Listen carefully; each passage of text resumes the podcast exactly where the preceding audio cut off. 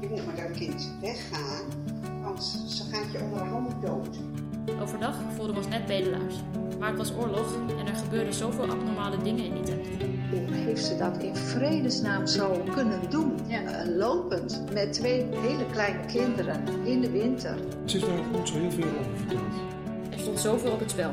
Onze levens en de levens van degenen die ons hielpen. Mijn naam is Marjolein Meijering en in deze podcast vertel ik het verhaal van mijn oma. Welkom bij Van Rotterdam naar Koevoorde.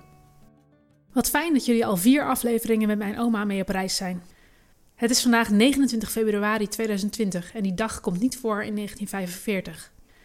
Dat geeft mij de gelegenheid om even wat dieper op een aantal zaken in te gaan. Maar eerst zou ik graag even de tijd nemen om iets meer te vertellen over mijn boek. Het was namelijk helemaal niet de bedoeling dat ik een podcast zou gaan maken.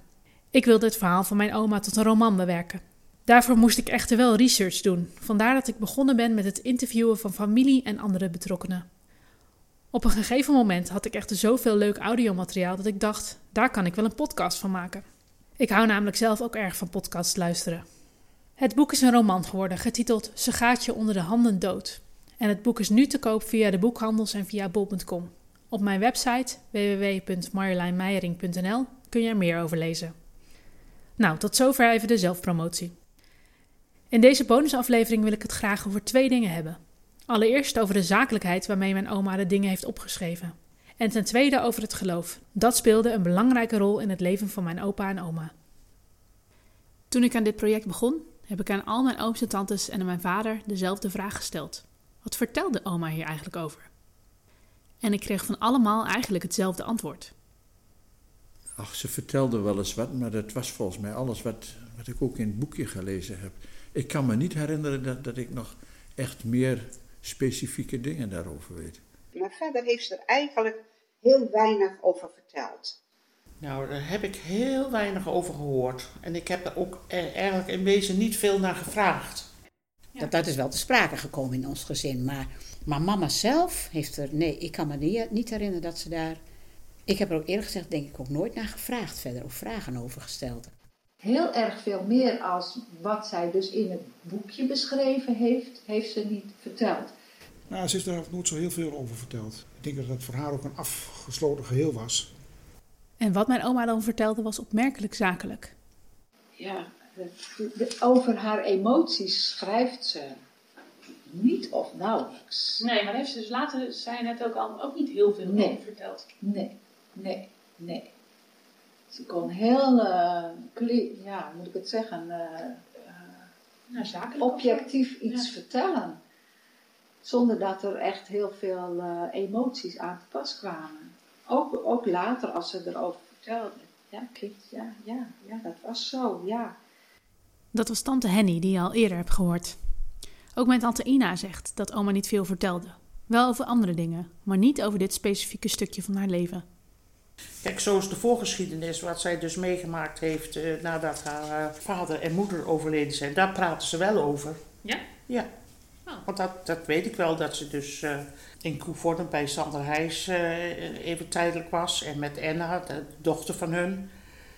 Dat, dat weet ik allemaal wel. Ja. En dat ze een vliegje in de oog kreeg, dat paarden, opa dat er, eruit gehaald heeft in haar oog, in, in de assen. Ja, Ja.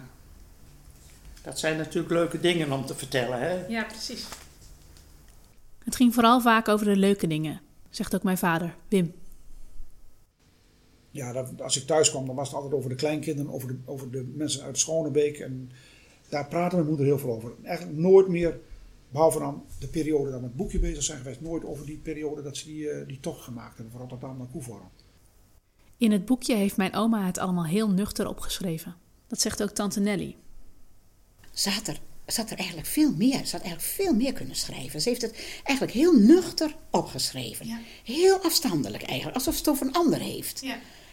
Mijzelf kennen, ik zou er veel meer emoties in gelegd hebben. Ja. Maar ja, mijn moeder kon ook heel emotioneel zijn. Ze kon ook heel emotioneel zijn. Mijn moeder kon zo in huilen uitbarsten. En dat klopt ook inderdaad, zegt oom. Maar niet, hè, dus wel ze snel in tranen. Nou, dat had ook nog wel zo. eh, daar heb ik ook nou wel een ander idee van.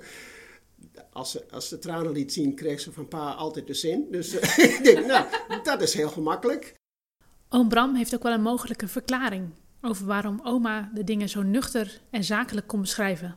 Ze kon niet anders, denkt hij. Ja, en het heeft met de emotionele beschikbaarheid van haar moeder te maken in de eerste jaren van haar leven. En die, of het eerste jaar, eh, was dat weinig. Want kort daarvoor, in, nou, moet ik na, daar kan ik nazien, maar in februari of zo van 1920 was haar broer Bram overleden. Die heeft ze dus nooit gekend. Die was 11 jaar.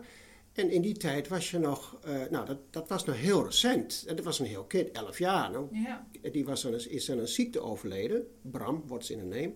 Zou ook wel Abraham geheten hebben. Dat denk ik aan. En eh, in die tijd was je zeker nog een jaar in de rouw. Maar je kan je voorstellen, als je rouwt, dat is de emotionele beschikbaarheid voor een ander, is veel minder. Nou, even later werd Ma geboren. Dus de, die emotionele beschikbaarheid in de eerste fase van haar leven was heel gering. Los van, ik weet niet hoe die oma vroeg op dan in elkaar stak, ik maar zeggen, qua karakter. Maar dit is, dit is wel een heel bepalende factor geweest. Vandaar, en dan vind ik het mooi dat Henny dan zegt, ja, ze was heel, eh, Ma was heel, ze schrijft het heel nuchter. Ja, anders kon ze het ook niet. Nee. En toen Henny vroeg, dan vroeg wat betekende dat voor jou? En dan eh, hoor ik uit de podcast, en dat past helemaal wat mij betreft in het beeld, dat eh, dan gaat ze over tot de feitelijkheden. Ja. Want ze gaat over naar de feitelijkheden en niet wat het voor haar betekende. Terwijl dat, Ja, ze zegt, ik Daarmee- wel. ja, nou ja, daarmee was- was, daarmee was het klaar. Ja. Dat klopt feitelijk ook, want Meta zou overlijden, zou doodgaan. Hè? Dat had de huisarts, nou, misschien met mooiere woorden gezegd, maar je moet weggaan of anders gaat je kindje dood. Meta zegt het ook zo, hè? Dus in de podcast. Nou, dat zal ook zo geweest zijn en dat zal ook zo tegen haar eh, gezegd zijn. Maar heel feitelijk is, is ook een manier om te overleven. Hè? Dus niet te veel diepgang, want dan, ga je, nou, daar kan je ook heel veel last van hebben. Ja. Maar, eh, maar het is ook zo. Dus die, die diepgang, kon ze, volgens mij ze, heeft ze dat ook niet erin kunnen brengen. Mijn oma was overigens ook niet de enige die er niet zoveel over zei. Ook mijn opa zweeg er liever over. En je vader, heeft hij ooit, wat zei die daarover? Want die heeft natuurlijk, die is terug gefietst. Ja, daar heeft hij heel weinig over verteld. Dat hij eigenlijk nooit, bijna nooit over verteld. Ik weet dat hij het gedaan heeft, dat hij ondergedoken is geweest een aantal, aantal dagen later eh, naar Koeveren gefietst uiteindelijk. Maar ja, daar heeft hij zich eigenlijk nooit veel over verteld.